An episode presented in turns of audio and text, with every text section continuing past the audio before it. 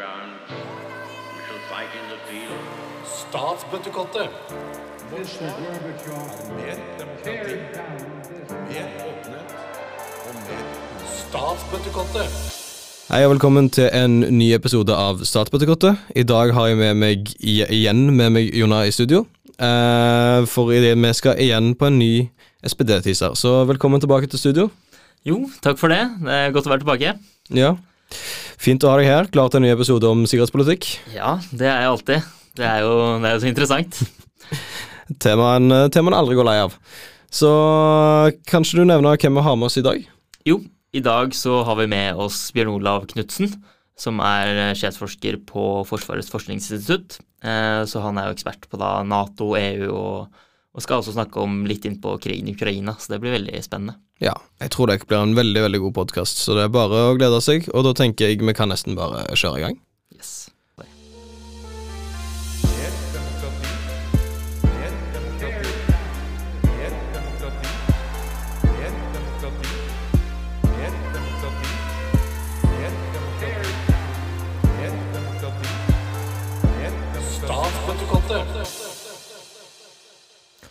Dagens gjest er Bjørn Olav Knutsen. Bjørn Olav er sjefsforsker ved Forsvarets forskningsinstitutt og førsteamanuensis ved Nord universitet. Hans forskningsinteresser er europeisk og transatlantisk sikkerhetspolitikk, og han har publisert en rekke bidrag i bøker, rapporter og fagtidsskrifter innenfor dette fagfeltet. Du har også hatt gjesteforskningsopphold ved EUs sikkerhetspolitiske forskningsinstitutt i Paris, ved norske Nobels institutt og ved Freie universitet i Berlin. Hjertelig velkommen til oss, Bjørn Olav. Tusen hjertelig takk. Hvordan er det å være her i Trondheim? Eh, Kjempefint å få snakke til studenter. Det er noe av det mest givende og eh, gøyeste jeg gjør, eh, fordi at det for å utfordre meg sjøl faglig. Jeg Får gode spørsmål fra studentene, og vi kan ha en god dialog. Og det er alltid bra. Det å kombinere forelesning med seminar, det er en perfekt kombinasjon. Mm. Jeg kan jo nevne at du har vært her i anledning av en gjesteforelesning i utenrikspolitikk, som da handlet om EU, Nato og krigen i Ukraina. Det er også det vi kommer til å ta utgangspunkt i i denne podkasten. Um, men først så ønsker vi å bli litt bedre kjent med deg, så jeg lurer på hvordan du har endt opp med å forske på og undervise i sikkerhetspolitikk. Oi, det er en lang historie, det. Jeg, Ja, jeg, begynte, å, jeg begynte i sin tid å Altså, Jeg er jo egentlig fra Ålesund opprinnelig, så jeg tok eh, videregående skole der. Da tok jeg samfunnsfaglinja, og jeg ble veldig interessert i utenriks- og sikkerhetspolitikk allerede da jeg gikk på videregående. Så Da var det veldig naturlig for meg da jeg var ferdig med videregående å begynne å studere statsvitenskap. Det falt eh, egentlig helt naturlig for meg. Og Da flytta jeg til Molde eh, og gikk på høyskolen der. Og tok det- det som var tilsvarende grunnfag i statsvitenskap. Og jeg spesialiserte meg allerede den gangen inn mot, eh, inn mot utenriks- og sikkerhetspolitikk. Og så fortsatte jeg på Universitetet i Oslo og tok et hovedfag i statsvitenskap der, der jeg skrev om faktisk om europeisk integrasjon, da, og spesielt på det utenriks- og sikkerhetspolitiske området. Så har jeg fått anledning til å jobbe med det på FFI eh, etter at jeg ble ansatt, eh, jeg ble ansatt eh, der, da. Så det har jeg egentlig jobba på med veldig mange forskjellige ting, veldig mange forskjellige problemstillinger på FFI. Eh, Jeg har vært innom de fleste avdelingene. Men eh, det er jo sikkerhetspolitikken som har lagt i kjerna der, da. eh, I første, i første rekke. Mm. Den spesialiseringa på europeisk sikkerhet, er det noen grunn til at det ble akkurat det? Eh, det, jeg var jo, jo med, med interesse for norsk utenriks- og sikkerhetspolitikk. Et av de første tinga jeg, jeg skrev da jeg, etter sånn seminaroppgave husker jeg jeg skrev eh, da jeg studerte, det var om norsk innretning av norsk base- og atompolitikk. Eh, avveininger mellom avskrekking på en side, altså et medlemskap i Nato, artikkel 5 og kollektiv, sikker- kollektiv forsvar, men også dette her med, med avspenning, eh, hvordan unngå å havne i en, en høyspenningssituasjon i nord, eh, tatt i betraktning at på Kola, bare noen kilometer fra norske grenser, så ligger eh, Russland sin andre slags eh, evne. Og hvordan Norge tilpasser seg, hvordan Norge avveier mellom avskrekking og beroligelse. Det, det, det har alltid vært eh, jeg har funnet faglig eh, interessant. Da. Og når jeg var interessert i Norge, så var jeg jo selvfølgelig interessert også i Nato-alliansen. Og da kommer det, det europeiske som en naturlig følge av det. altså fordi at eh, Eh, Ved siden av avskrekking og beroligelse, så er det også vårt eh, bilaterale forhold til USA som er viktig. Noen som har kalt det for en allianse innenfor alliansen. Den bilaterale forholdet mellom USA og, og Norge. Men også den, den europeiske prosessen, da, altså den europeiske integrasjonsprosessen, og den påvirker, påvirker det atlantiske samarbeidet og sånne ting. da. Eh, Det, det, det er jo eh, veldig fascinerende å, følge med på det som på det som skjer, både med tanke på altså, det, det, altså internasjonal politikkfaglige, eh, hvordan man kan bruke teori til å forstå de prosessene som pågår, men også det at å følge med på den empiriske utviklingen og formidle det til allmennheten. Da. Det syns jeg alltid har vært eh, veldig givende, syns jeg. Mm. Det er et veldig interessant fagfelt. Ja, vi har jo òg veldig mange på dette studiet som er interessert, veldig interessert for det fagfeltet. Så jeg lurer jo litt på om du har noen tips på hvordan ende opp innenfor den type jobb, da? Eller vi må jobbe med det innenfor det fagfeltet. Ja, så de, de fleste statsvitere de er havner jo opp eh, mange forskjellige yrker. Altså Nå finner du statsvitere overalt. altså Ikke bare i statsadministrasjonene, i departementer, men også i interesseorganisasjoner og i, i medier i, i, i veldig stor grad. Eh, men også noen i, i privat næringsliv og i det store konsern. Fordi at de som f.eks. Equinor og og de store selskapene, de, de trenger jo innsikter fra hvordan verden fungerer. De trenger jo ikke bare økonomer for å, for å plan, hvordan for, for, altså med hensyn til investeringsbeslutninger og slike ting. Altså det, det, det, er, det er noe som der statsvitere kan gjøre en forskjell, fordi at vi er trent til å drive politisk analyse. Vi er trent til geopolitikk, altså forstå geopolitikk. Og det er utrolig viktig for når man skal for investere for i olje- og gassutvinning i Midtøsten eller i Nord-Afrika eller i, eh, USA. Altså det, det, det er helt, helt avgjørende, altså. Og statsvitere er veldig anvendbare. Eh, eh, fordi at en, en, som har spesialisert seg innenfor internasjonal politikk eller IP på mastergrad og sånne ting, kan vel så gjerne jobbe med politisk administrasjon, offentlig politikk, organisasjon og sånne ting. Det, det, det, det, er fullt mulig, det også. Så jeg vil bare anbefale folk å studere det man sjøl finner mest interessant. Og når man har gjort det, så vil man, i erfaringsmessig, jeg kan tale for egen erfaring, altså da vil man også få interessante jobber eh, som man vil kunne trives i seinere. Så det er jo en investering for seg sjøl å ta en sånn uh, utdanning, vil jeg, vil jeg si. Uh, så det, det er absolutt, eh, absolutt interessant. Og det er jo en del av mine kollegaer som også driver veldig mye med, med formidling, da. spesielt nå i forbindelse med, med, med Ukraina-krigen. da, Og formidler kunnskap om, om, om krigens eh, gang, og hvordan det vil påvirke det europeiske sikkerhetsbildet i stort.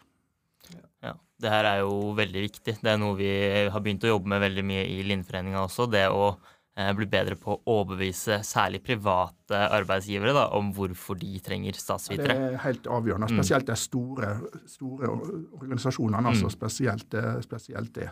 Ja, Som, det er viktig. som, altså. som i, som har en brei portefølje, som investerer i mange land. Og, og det, vil, det vil være vinn eller forsvinn i mange tilfeller, altså i, der, man, der man engasjerer seg. Absolutt. Jeg tror vi må bare komme oss videre til hovedtemaet i dag. Det er jo som nevnt Nato, EU og krigen i Ukraina.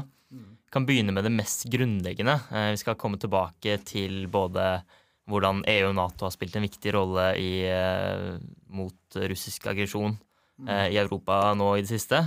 Men jeg vil først komme litt inn på hva som er hovedforskjellene på de to organisasjonene.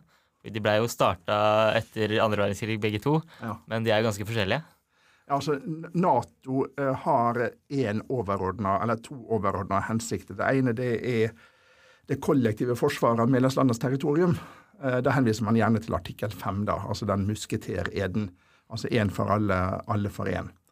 Men det andre her det er jo også å sikre USA en politisk og militær tilstedeværelse i Europa. At USA blir en europeisk, eh, europeisk makt. Det er jo det som ligger som fundament for, for Nato. Eh, og Nato er en militær allianse. Det som eh, ble etablert i 49, Eh, det som senere ble til Den europeiske union, den hadde jo mange forløpere. Først med kull- og stålfellesskapet, og senere med Romatraktatene med, med Europeisk økonomisk fellesskap og Euratom, altså Europeisk atomenergifellesskap, som senere ble til, til EU. Det er jo en politisk og økonomisk union som fanger veldig bredt. Altså fra en tollunion til en felles landbrukspolitikk. Eh, eh, indre marked eh, og eh, som er- Der det er innebygd en dynamikk som fører til at man når et høyere integrasjonsnivå.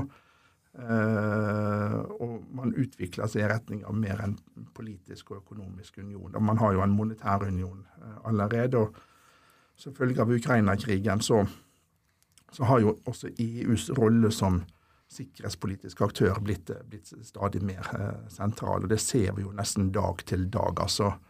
Eh, hvor, eh, hvor Ursula von der Leyen, som er, som er president i kommisjonen, opptrer som en geopolitisk eh, spiller i langt større grad enn ved tilsvarende eh, altså ved, ved tilsvarende kriger og kriser i Europa. Altså, Jeg kan sammenligne med det som var på Balkan på 90-tallet, der i det daværende EU viste seg veldig eh, svakt og splitta, og ikke med en felles politikk, men og, og det har sett vi i forbindelse med Irak-krigen også. Det, så nå er vi i en litt annen, helt annen situasjon, altså der, der EU er en eh, betydelig eh, sikkerhetspolitisk aktør. Så man ser altså, Det er betydelige forskjeller mellom de to institusjonene. Selv om det er veldig stor grad av overlapp i, i medlemmer. da. Mm. Og nå skal jo Finland og Sverige også bli medlemmer av Nato. Og det vil jo også styrke den europeiske dimensjonen i Nato, da, samtidig som det også bidrar til en forsterking av nordisk sikkerhet. da. Og det er jo bra for oss i Norge også. Og nå ser vi kanskje at det overlapper mer og mer på det forsvarsmessige og sikkerhetsmessige da, etter hvert. Ja, vi må, vi må se bl.a. Danmark nå har oppheva sitt forsvarsforbehold.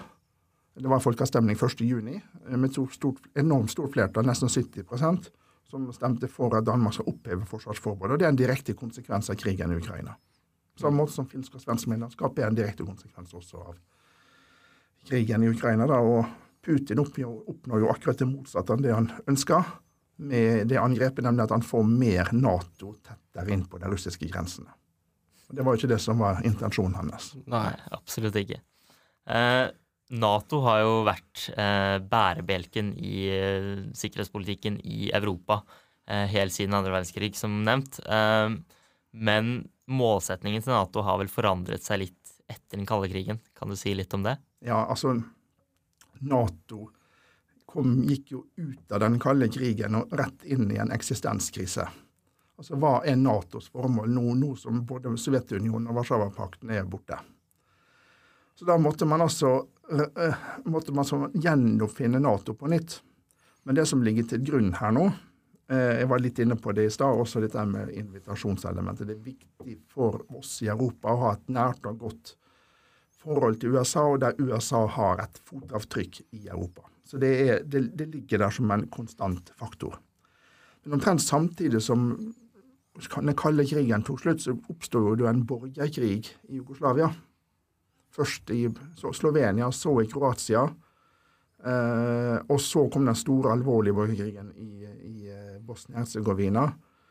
Og eh, der fikk jo etter hvert Nato en rolle, og det var det som skapte Nato et Nato som var opptatt av internasjonale operasjoner, eh, med legitimitet fra FNs sikkerhetsråd, og der Nato var involvert i, i håndteringa av, av krigen i, eh, i eh, Bosnia. Dvs. Si at man ble involvert i 95 etter at man hadde kommet frem til en fredsavtale da, som var fremforhandla i Dayton, Ohio, USA.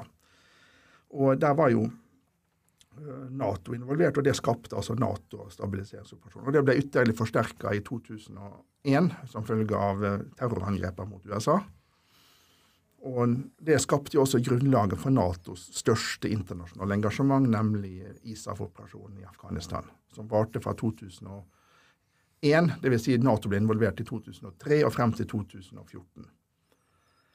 Eh, men det som var, var svakheten med alt dette der, det var jo at eh, vi kan kalle for intervensjonstretthet hjemme i de ulike medlemslandene. Vil si at det var, det var for høye kostnader med å, ha, med å forplikte så mange styrker inn i et område som ligger langt unna ens eget territorium, og der, det, der nasjonal interesse ikke nødvendigvis er til, er til stede. Og etter den russiske annekteringa av Krim i 2014, så var det full på full fart tilbake igjen til, til kollektivforsvar igjen. altså. Så oppgaven til Nato variert mellom internasjonale operasjoner til kollektivt, eh, til kollektivt eh, forsvar. Og det var fullt fokus på kollektivt forsvar fra og med 2014. Og nå i dag er det ingen som snakker om internasjonale operasjoner. Ingen. Eh, så nå er det å begrense og forsvare seg mot den russiske trusselen som ligger til grunn for Natos, Natos politikk. Ja, Hva rolle har EU spilt i liksom, den forandringen av målsetninger fra internasjonalt til kollektiv sikkerhet og den av fram og tilbake, holdt jeg på å si? Ja, altså EU har jo hatt en sikkerhetspolitikk, forsvarspolitikk, helt siden 2003. bare for å sette det sånn.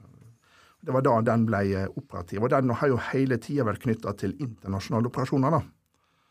Uh, men Nato, EU, eh, som jeg sa i stad, det skiller jo lag på veldig mange eh, måter. Også med tanke på hvordan man innretter utenriks- og sikkerhetspolitikken. For det som er karakteristisk for EU som sikkerhetsaktør, det er dette her sivil-militære tilsnittet. Altså det er Det finnes ingen rene militære operasjoner. Den første operasjonen, eller misjonen da, som man iverksatte, det var i 2003 i Bosnia, eh, da man overtok for FNs politimisjon. Det var i forbindelse med, med, med gjennomføringa av uh, den fredsavtalen. Så Der ble altså EU sakte involvert. Og så hadde jo i etterkant av fredsslutninga i Dayton, Ohio, så hadde jo EU da um, Så overtok jo EU også for Natos sin, uh, sin, sin operasjon. Um, SFOR, Stabilization Force, het den. Så da omdøpte man den til Operasjon Althea, som ble en sånn EU-operasjon eh, basert på den tidligere Nato-operasjonen. Så det er ting som har med internasjonale operasjoner å gjøre. Det har det med det sivilmilitære tilsnitt å gjøre. Og der EUs operasjoner uh, skjer i, i, sammenheng med at EU bruker hele verktøykassa si, fra utviklingsbistand til, eh, til militærmakt. Og Det ser man bl.a. på Afrikas Horn og i Kongo, som også er to områder der EU har vært eh, involvert. Men det som har vært kritikken veldig mye mot EUs sikkerhetspolitikk, det er at de operasjonene man gjennomførte, har vært veldig korte, kortvarige og små. Men også fordi at det, man, det har blitt kritisert for å ha for liten strategisk effekt. Det har man også, også, man, har man også kritisert EU EU for. Og helt sikkert med, med, med rette. Men jeg har nå en av mine artikler som jeg publiserte for noen år tilbake siden, der jeg sammenligna EU, Nato og USAs innsatser på Afrikas sone i forbindelse med piratbekjempelse. Og Da fant jeg ut at EU er ikke noe mindre effektiv som utenriksaktør i forhold til USA, f.eks., eller, eh, eller eh, Nato når det gjaldt altså Afrikas Horn. Så, så, det er veldig sånn interessant, in, interessant ting å, finne ut av det. Altså, uh, når man studerte akkurat det caset, den regionen, så, så fant vi ut at det var ikke noen store, store forskjeller mellom de, de ulike, ulike, aktørene. Men Nato har jo bare én, ett virkemiddel. da. Ett virkemiddel i KFA, og det er jo militærmakt. Og det og EUs virkemiddelapparat er jo litt, litt større. Ja. Man kan vel kanskje si at EU har eh, evnen, men ikke viljen. fordi det har vel ikke vært helt samstemthet blant EU-landene om at vi skal ha et forsvars- og sikkerhetssamarbeid. Du kan jo si at Frankrike har jo eh, stått på for det her, men det har jo vært veldig mange andre EU-land som har vært skeptiske. Ja, definitivt. Eh, Danmark, som jeg nevnte i stad, er jo blant de landene som har vært mest skeptiske. De har til og med stått utenfor samarbeidet men også Storbritannia, da de var medlemmer i sin tid, så var de absolutt skeptiske. Og det hadde jo sin eh, bakgrunn i deres atlantiske orientering i sin utenriks- og sikkerhetspolitikk. Fordi at eh, De frykter for eh, at, eh, at en for sterk EU-rolle på det området vil kunne fortrenge Nato, som de anser som det, som det viktigste det viktigste institusjonelle oppsettet for egen nasjonal sikkerhet. da. Ja. Tenker du at det er noe i det? Kommer det til å være et samspill mellom EU og Nato, eller kan det oppstå gnisninger? ja, selvfølgelig kan det oppstå gnisninger, eh, men det vil si altså det som krigen altså Det har alltid vært sånne spenninger mellom det europeiske og det atlantiske i Nato. Helt siden etableringa på 50-tallet. Alltid. Frankrike var til og med utafor det integrerte militærsamarbeidet i Nato fra 66 til 2009. Eh, og de kom inn igjen i 2009 under en gaullistisk president, altså Nicolas Sarkozy som president i Frankrike, på den betingelse at han skulle få til en såkalt europeisering av eh, Nato. Eh, Det var betingelsen fra fransk side. Så Det har alltid vært spenninger og intern uenighet da, internt i alliansen, på samme måte som det har vært intern uenighet internt i, i EU på det området. Så det er, det er, men det som skjer nå da med krigen i Ukraina, det er at disse, der eh, konfliktlinjene her, de blir eh, skjøvet litt til side, da. Feid under teppet. For nå er det én ting som gjelder, og det er å bidra til å forsvare Ukraina. Og bidra til å forsvare oss sjøl mot den russiske eh, aggresjonen. Så det, det ligger her som et sånn, en sånn overordna mål, da. Mm. For ja, sånn som jeg ser det nå, så er det jo ganske tydelig at mer europeisk eh, samarbeid på sikkerhetspolitikk og forsvarspolitikk er nødvendig nå. Eh, men spørsmålet er jo om det eventuelt kommer til å føre at Europa er mindre vilje til å bidra USA til å oppnå deres utenrikspolitiske mål, f.eks. da i Øst-Asia. Mm. Ja, det, det, det er en utfordring. Men nå har jo Nato nettopp skrevet et såkalt strategisk konsept, som de publiserte i juni i forbindelse med toppmøtet i Madrid i slutten av juni i år. Og I det strategiske konseptet så nevnes jo Kina, da. Og det er første gang Kina nevnes i et sånt strategisk konsept. Så europeerne blir jo mer klar over eh, hvilken utfordring eh, Kina vil kunne utgjøre for europeisk eh, og transatlantisk eh, sikkerhet. Eh, problemet for oss det er at vi må i større grad ta vare på egen sikkerhet, eh, samtidig som vi ikke har de nødvendige ressursene til å klare det. Også på bakgrunn av at eh, skal Europa kunne klare å bli en mer effektiv militær aktør, så krever det en form for militær integrasjon som europeiske medlemsstater så langt ikke har vært villige til å utvikle. Fordi at man vil tviholde på sin nasjonale suverenitet, selv om resultatet av det blir manglende kapabiliteter. Da. Ja. Det, er- det er et av største utfordringen i europeisk politikk. Ja. Der er det jo absolutt en utfordring med det overnasjonale. Det er jo derfor det er så stor EU-motstand også på andre områder. Så, Ja, i Norge så, Ja, i så, Norge. så, er jo det det, eh, ikke i andre europeiske land. Nei. Eh, du, du, ser EU EU-skeptiske partier i Frankrike og Italia og slikt. Eh, de er skeptiske, men de, de vil jo ikke Selv ikke Marine Le Pen vil melde Frankrike ut av EU, selv om hun gikk inn for det for noen år tilbake siden. Og den nye italienske statsministeren er også EU-skeptiker, men øh, men vil likevel basere sin politikk på italiensk medlemskap i, i EU. Så det er ikke det det er snakk om i det hele tatt. Nei. hvordan er det Norge forholder seg til liksom Norge er med historisk sett mer Atlanterhavvendt. Hvordan er det de forholder seg til et mer sånn samla europeisk eh, utenrikspolitikk? Og, Det, der der har, man, har man hatt veldig, veldig, veldig skeptisk. Eh, historisk. Eh, ja, altså det har man vært skeptisk. fordi at man har, som du sier, altså den atlantiske orienteringen i sin utenriks- og sikkerhetspolitikk. Det er mot, vi er vendt mot uh, Atlanterhavet, mot USA, mot Storbritannia, men vi har ryggen til Europa. Eh, Et utsagn som Gro Harlem Brundtland, tidligere statsminister, sa for noen år tilbake siden. Så det er et, en tellende beskrivelse. Vi har ønska å, å delta da, eh, når det har vært mulig, likevel. Eh, vi har deltatt i EU-operasjoner, både annet i Somalia, blant annet, der vi deltok med Fridtjof Nansen-klasse fregatt eh, i en EU-operasjon. Det er det største bidraget vi har bidratt med noensinne. Vi har deltatt i den første politimisjonen som vi nevnte i stad, i Bosnia. Vi har deltatt på Balkan, også i Altea, den EU-operasjonen som pågår der. Men per nå så har vi ikke noen deltakelse i det hele tatt i de pågående militæroperasjonene til, til EU. Eh, den, den største og mest kjente fremdeles er, er piratoperasjonen uh, utenfor Afrikas, uh, Afrikas Horn.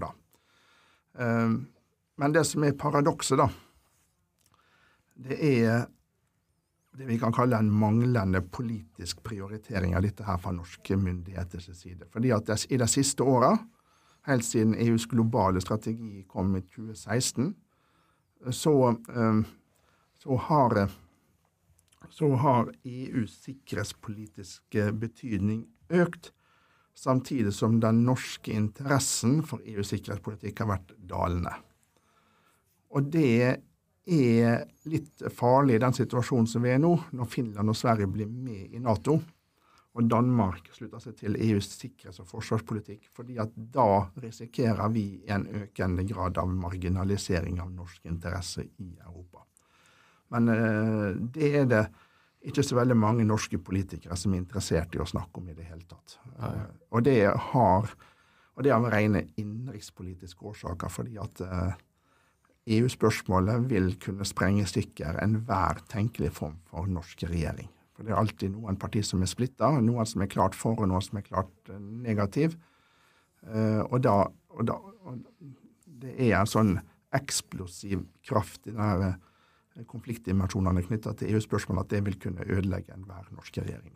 Norge har jo, følt, Norge har jo nå fulgt EU og NATO sin linje i forhold til krigen på Ukraina. Eh, er det eh, Er det at Norge på en måte er med uten å være med, bidrar det til at Norge får en sånn større trygghet og større handlingskraft i forhold til store internasjonale konflikter, sånn som Russland og Ukraina?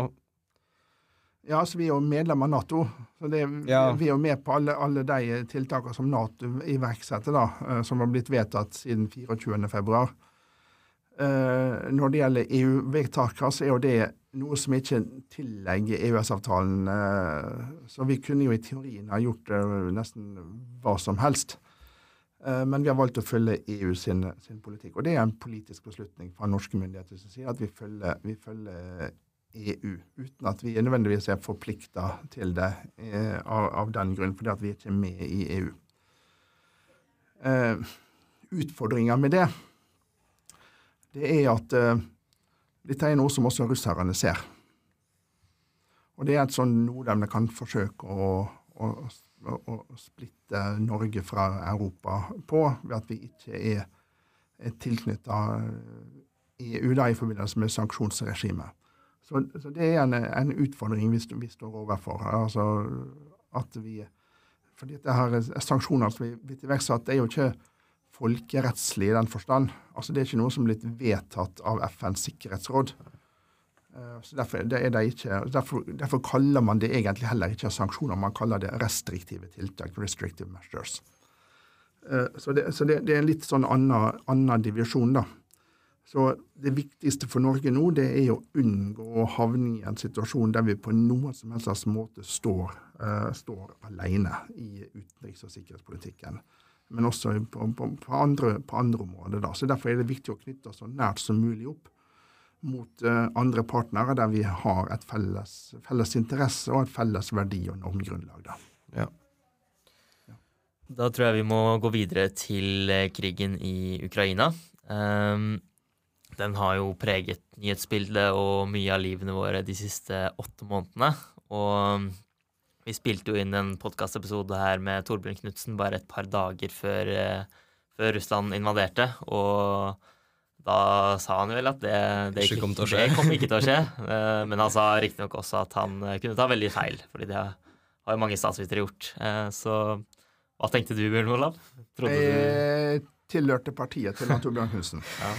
Altså, fordi at det, det, det, Du må foreta noen rasjonalitetsbetraktninger her. altså Du må anta at uh, aktørene er rasjonelle aktører. Og hva i all verden skulle russerne oppnå med et angrep på Ukraina? Det fatter jeg ikke, selv om vi alle sammen hørte fra medier at uh, russerne planla noe stort. Den, st den største landkrigen i Europa siden andre verdenskrig. Det var det russerne planla for. Så jeg trodde ikke det var tilfellet. Jeg trodde dette her var en type kanonbåtdiplomati, der man brukte øvelser som virkemiddel for å skremme den politiske ledelsen i Kiev.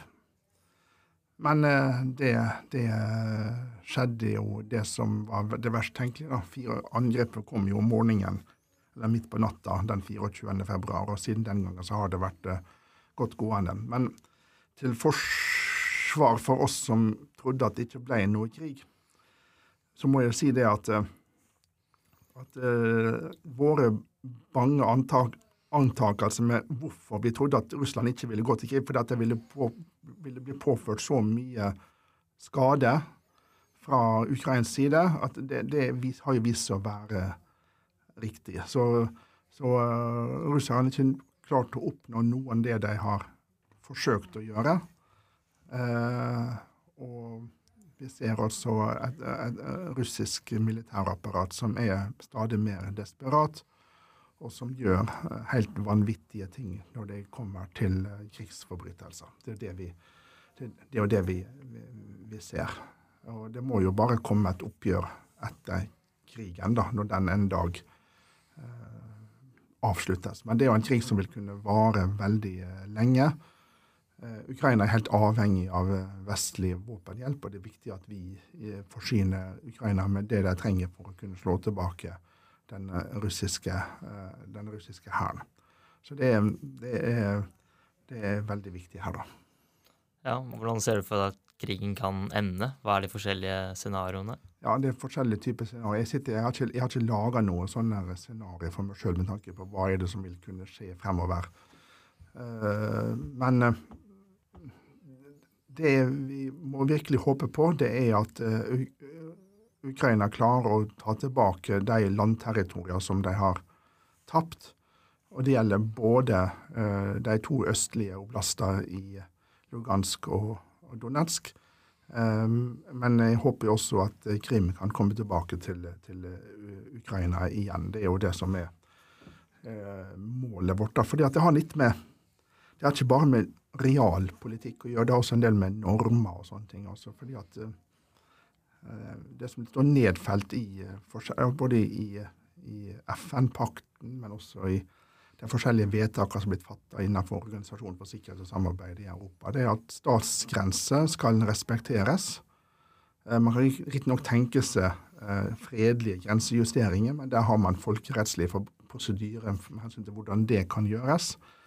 Og det å hjelpe Ukraina til at de kan slå tilbake det russiske angrepet, vil også bidra til å styrke det normative grunnlaget for europeisk sikkerhet, som er nedfelt i de forskjellige institusjonene, både FN og OSSE, i første, i første rekke.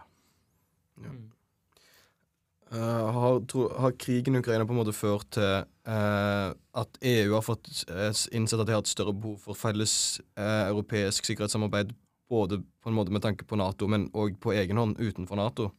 Ja, altså det, det, Dette her har synliggjort i veldig stor grad behovet for at Europa tar et større ansvar for egen sikkerhet. Så det er veldig fint at det, det, bringes mer til, på, på banen. Samtidig eh, så kan ikke EU utvikle en troverdig sikkerhet- og forsvarspolitikk uten nært samarbeid med USA og uten nært samarbeid med Nato. Så eh, det er helt grunnleggende her at Nato og EU klarer å samarbeide tettere på, på, stadig, flere, på stadig flere områder. Og, det, og det, det skjer jo også da. Det har blitt signert to forskjellige avtaler mellom de to institusjonene. Først i 2016 i, Varsha, i forbindelse med Warszawa-toppmøtet, og det andre i 2018. Um, og uh, man sitter og diskuterer muligheten for at han kan ha en tredje protokoll som kan undertegnes da. Så, um, så, det er, så EU vil kunne utvikle en sterkere sikkerhets- og forsvarspolitikk, men den kan ikke få stor nok troverdighet uh, hvis man ikke inkluderer USA og Nato på en, på en, på en, på en god måte. Mm.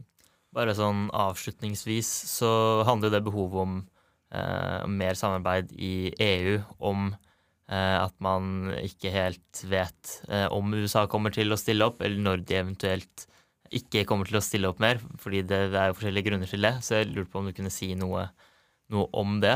Hvor, eh, hvor stor sannsynlighet, eller er det for at USA fortsatt kommer til å vise militær tilstedeværelse i Europa? Altså, sånn som jeg ser det, så har USA fremdeles helt grunnleggende interesse av å ha en tilstedeværelse i Europa. Men det som er spennende å følge med på, er jo den innenrikspolitiske utviklingen i USA. Eh, Økende polarisering, eh, mindre vilje til internasjonalt eh, lederskap. Og man ser altså en radikalisering på begge sider i, amerikansk politikk. Det altså republikanske partiet blir mer og mer en, en, en Trump-balansen der. Så ser du også en radikalisering av det demokratiske partiet også, da. Eh, spesielt i forbindelse med det brevet som ble sendt til Det hvite hus fra en gruppe eh, amerikanske politikere som ønska at USA skulle ta initiativ til å eh, innlede forhandlinger med, Putin da, angående krigen i Ukraina. Så det, så, så det, det For å vurdere og kunne svare på det spørsmålet ditt, så må man nesten ta med i betraktning av den innenrikspolitiske utviklinga i USA, som er ytterst be bekymringsverdig også. Eh, fordi at eh, Europa uten USA ville ikke kunne klare å ivareta sin egen sikkerhet, til tross for at EU gjennom mange år, og europeiske politikere og noen forskere også har snakka om strategisk autonomi. da. Eh, Det, man, det er vel og bra at man ønsker det, men på kort sikt, iallfall på mellomlang sikt, så er ikke det mulig i det hele tatt. Nei. Da tror jeg vi må sette strek der. Ja, Da har vi forhåpentligvis eh, blitt litt klokere. ja, jeg tror nå det. Tusen takk for at du kunne komme. Ja, hyggelig å være her.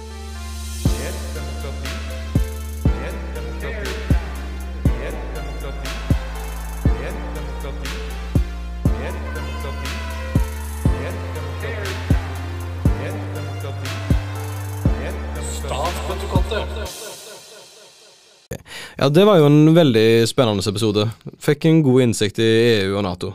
Absolutt, absolutt. Litt utenom det vanlige også. Og interessant hvordan eh, vi beveger oss inn i en, en måte, ny, ny æra i europeisk sikkerhetspolitikk. Da. Eh, spennende å se hvordan eh, de europeiske statene løser det. Ja, og hvordan den utviklingen her blir framover. Det kan bli veldig interessant. Har du noen anbefalinger i dag til lytterne mens de venter på neste episode? Ja, jeg har faktisk noen andre podkaster. Det er kanskje ikke helt sånn at man burde anbefale det, men jeg har i hvert fall gjort det tidligere også. Det har gått fint da. Og det er Ugradert, som er Forsvarets forskningsinstitutt sin egen podkast, der Bjørn Olav også har bidratt. Det er jo interessant hvis man er interessert i eh, sikkerhetspolitikk, da. Ja. Mm. Det, det høres veldig bra ut. Det, kan bli, nok, det må jeg nok definitivt sjekke ut. Uh, jeg, har, jeg tenker jeg anbefaler Trygdekontoret, hvis noen har, uh, noen har vel sikkert sett serien og vokst opp med den på TV, med Thomas Seltzer. Den har nå kommet i podkastform, og den er Det er på en måte en eh, deba De har debatter om litt sånn Uh, samfunnsrelaterte ting som ofte kommer på utkanten av den offentlige debatten, så det er veldig spennende. Og så kan jeg anbefale å høre på det, pluss at det er ikke, det er ikke helt lik podkast med oss, så da har du kanskje noe, da er, ikke, da er det ikke direkte konkurrerende. Nei. Og så kan jeg til slutt bare minne om at uh, SPD har jo både egen Facebook-bruker og Instagram-bruker som man kan uh, følge, så jeg anbefaler veldig det. Og Der kommer det jo veldig mange ulike konkurranser og sånn, uh, spesielt etter jul, da, tenker vi.